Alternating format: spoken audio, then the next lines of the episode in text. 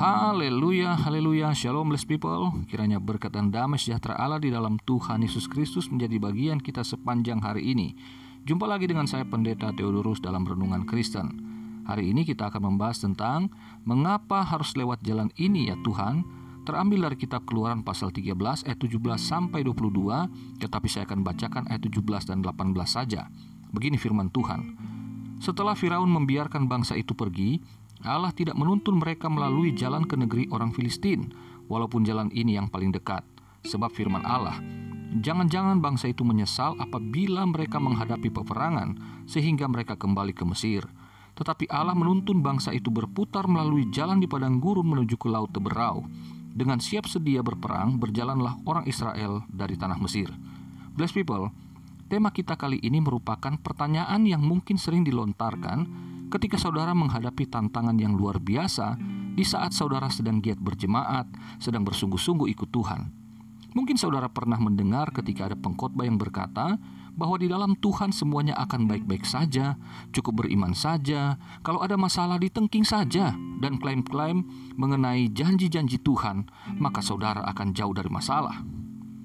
Bless people, saudara dapat belajar dari Israel yang baru keluar dari Mesir, dan saudara akan melihat betapa menakjubkannya Tuhan membawa mereka melewati padang gurun yang penuh tantangan dan bahaya, dan justru di sana Israel terbentuk menjadi bangsa yang kudus dan menyatakan diri sebagai umat pilihan Allah. Di padang gurun, Israel belum menerima pemenuhan janji nanti setelah masuk Kanaan, tetapi mereka mendapatkan pendidikan yang luar biasa dari Allah di jalan yang sulit itu dan akhirnya, saudara akan mengerti mengapa harus lewat jalan yang penuh penderitaan seperti Israel. Yang pertama, supaya Israel belajar dalam tuntunan Allah, ayat 17 bagian A. Kata menuntun dari bahasa Ibrani artinya memimpin. Ini berarti Israel harus dipimpin dengan petunjuk dari Allah. Setelah keluar dari Mesir, pemimpin mereka bukan lagi Firaun, tetapi Allah. Sebagaimana Israel pernah tunduk dan taat mutlak kepada Firaun, Demikianlah mereka harus tunduk dan taat mutlak kepada Allah dengan segala aturan, perintah, dan ketetapannya. Kesetiaan Israel kepada pimpinan Allah akan memurnikan sikap hati dan perilaku mereka, dan itu terjadi di padang gurun. Yang kedua, supaya Israel tidak terbiasa mengambil jalan pintas ayat 17 bagian B. Sesungguhnya ada jalan baik menuju ke negeri orang Filistin dengan melewati pantai, tetapi jalur ini akan membuat mereka melewati banyak benteng Mesir di tengah jalan yang mana mereka belum siap jasmani maupun kejiwaan untuk berperang apabila dihadang. Jadi, jalan tercepat dan teraman dari Tuhan ialah berputar melalui padang gurun menuju Laut Teberau ayat 18 bagian A. Padang gurun adalah gambaran kesusahan hidup dan Laut Teberau merupakan jalan buntu. Tapi ingat, Tuhan membawa Israel berputar, bukan berputar-putar. Justru di padang gurun dan di laut Teberau, Israel melihat mujizat Tuhan yang dahsyat. Haleluya. Yang ketiga, supaya Israel memiliki mental baja, ayat 17 bagian C.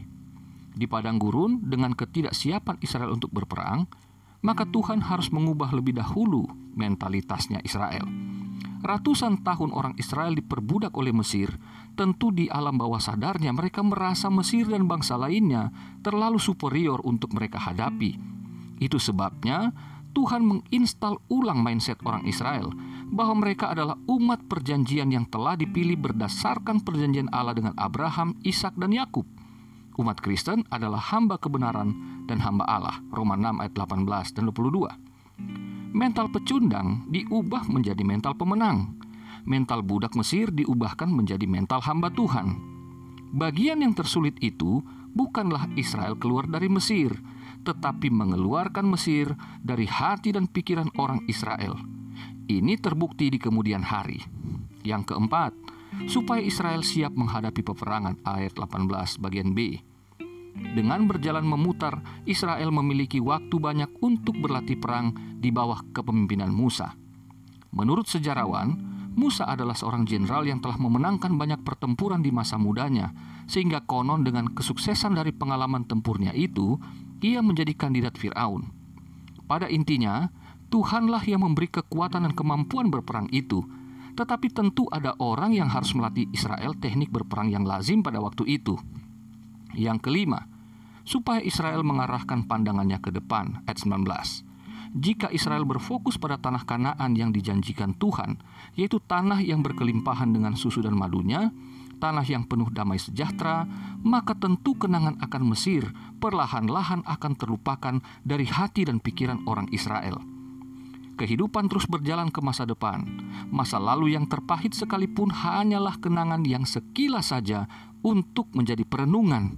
Kemudian sadarilah bahwa hidup di masa kini untuk menyesuaikan diri dengan kenyataan bahwa perubahan itu untuk kehidupan masa depan yang lebih baik. Israel di padang gurun harus berbeda dengan Israel saat masih di Mesir. Yang keenam, supaya Israel tidak mengharapkan zona nyaman ayat 20. Melewati jalan yang biasa mungkin ada jaminan makanan dan minuman di sepanjang jalan itu – tetapi rombongan dengan jumlah yang besar bisa dianggap ancaman bagi bangsa-bangsa yang kapan saja bisa menyerang mereka. Itu sebabnya Tuhan melatih mereka di padang gurun agar selalu berwaspada dengan keadaan di sekitar mereka. Dan itu terbukti ketika mereka dalam ketidaktaatan sehingga harus berputar lebih jauh dan lama lagi, mereka kemudian harus bertempur dengan bangsa-bangsa yang wilayahnya dilewati Israel. Yang ketujuh, supaya Israel terbiasa bergantung kepada Allah ayat 20 dan 21. Segala kebutuhan hidup dan perlindungan di perjalanan semuanya tersedia secara ajaib. Israel dipastikan Tuhan bahwa mereka baik-baik saja di jalan yang sulit dikarenakan oleh Allah yang pasti mengindahkan atau mengurus. Ini dari bahasa Ibraninya. Mengurus Israel tentu saja ayat yang ke-19 Kemudian Allah menjamin penyertaannya berupa tiang awan di siang hari dan tiang api di, di malam hari. Ayat 20 dan 21. Dengan demikian, Allah yang menuntun Israel di padang gurun adalah Allah yang mengasihi, memelihara, melindungi, serta mengembangkan iman umatnya itu siang dan malam. Begitu juga dengan saudara yang sedang dalam pergumulan. Percayalah, bahwa jalan yang tersulit yang sedang saudara jalani merupakan proses pembentukan Allah yang terbaik dan jalannya itu meski perlu waktu untuk menjalaninya tetapi imanilah dia yang menuntun saudara tidak mungkin membiarkan saudara mungkin saudara saat ini masih bertanya mengapa harus lewat jalan ini ya Tuhan tetapi ketika saudara setia menjalaninya dengan penuh harapan pada akhirnya saudara tidak lagi bertanya melainkan memuji Tuhan karena telah membawa saudara menjadi pemenang di dalam jalan dan kehendaknya yang sempurna. Sampai jumpa dalam renungan berikutnya. Tetap percaya, tetap semangat ya. Selamat beraktivitas. Tuhan Yesus memberkati. Tuhan Yesus menyertai saudara dan keluarga saudara. Haleluya, bless people.